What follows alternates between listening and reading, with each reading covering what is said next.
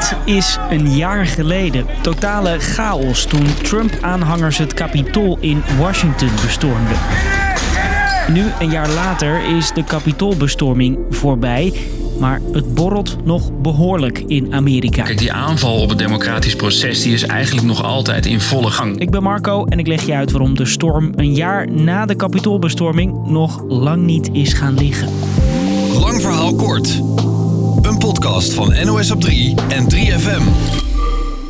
Eerst terug naar een jaar geleden. We were getting ready to win this election. Niet Donald Trump, maar Joe Biden heeft de verkiezingen gewonnen. Al gelooft niet iedereen dat. Frankly, we did win this election. We did win this election.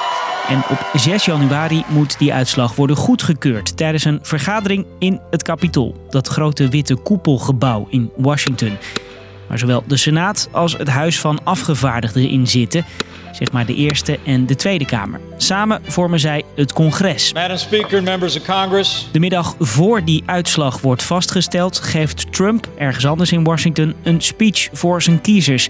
Hij ziet de uitslag als fraude. We're going to walk down to the Capitol because you'll never take back our country with weakness. You have to show strength and you have to be strong. Wat ze daar bij het Capitool moeten doen, dat houdt Trump in het midden. Maar voor duizenden van zijn fanatieke aanhangers is het duidelijk.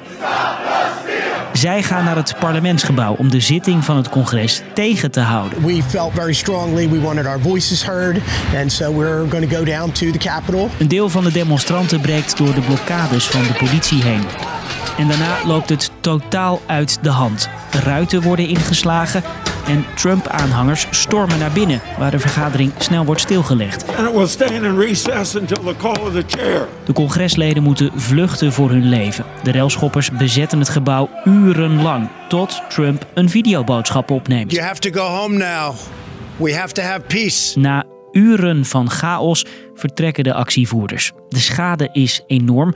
Bij de bestorming van het Capitool vallen vijf doden, onder wie één agent.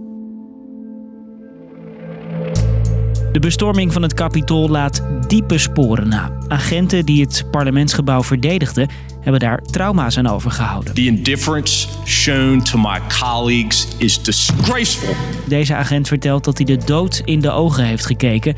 Dat hij echt dacht dat hij het niet zou halen. I could feel myself losing oxygen and recall thinking to myself, this is how I'm going to die. Minstens vier agenten maken na de gebeurtenissen rond het Capitool een einde aan hun leven. De politie wil geen directe link leggen met de bestorming, maar zegt wel dat de mentale gevolgen overduidelijk zijn. De beveiliging rond het Capitool wordt nog verder opgeschroefd. We've got to be in a posture where we think of everything and that we are trying to prepare for everything. En president Biden laat weten dat de grootste bedreiging voor de VS nu binnenlands terrorisme uit extreem rechtse hoek is. And we won't ignore what our intelligence agency have determined to be the most lethal terrorist threat to the homeland today. White supremacy is terrorism. In andere landen, ook bij ons, wordt bekeken of de veiligheid van de parlementsgebouwen wel op orde is. Je hoort toen nog Kamervoorzitter Ariep. Natuurlijk, het zet je aan het denken om al die procedures opnieuw tegen het licht te houden en te kijken waar zijn de kwetsbaarheden en kunnen we daar iets van leren. Niet alleen op veiligheidsniveau, maar ook in de politiek heeft de bestorming van het Capitool nogal wat teweeggebracht.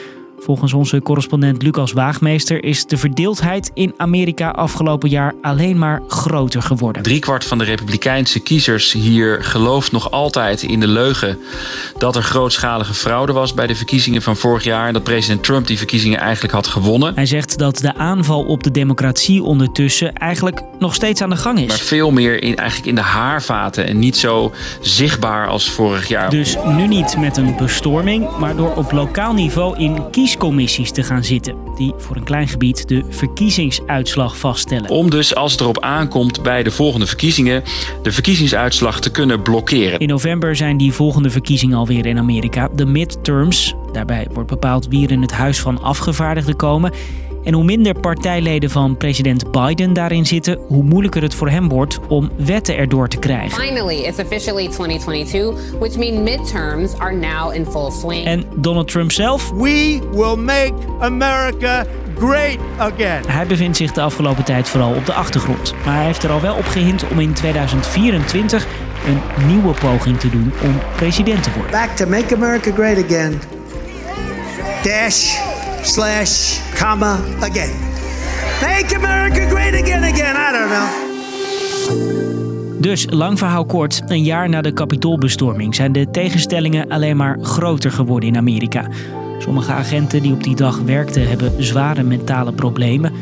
Tegenstanders van president Biden geloven nog steeds dat er fraude is gepleegd bij de verkiezingen die Trump verloor. Ze doen er alles aan om bij de komende verkiezingen niet als verliezer uit de strijd te komen. Dat was hem voor nu.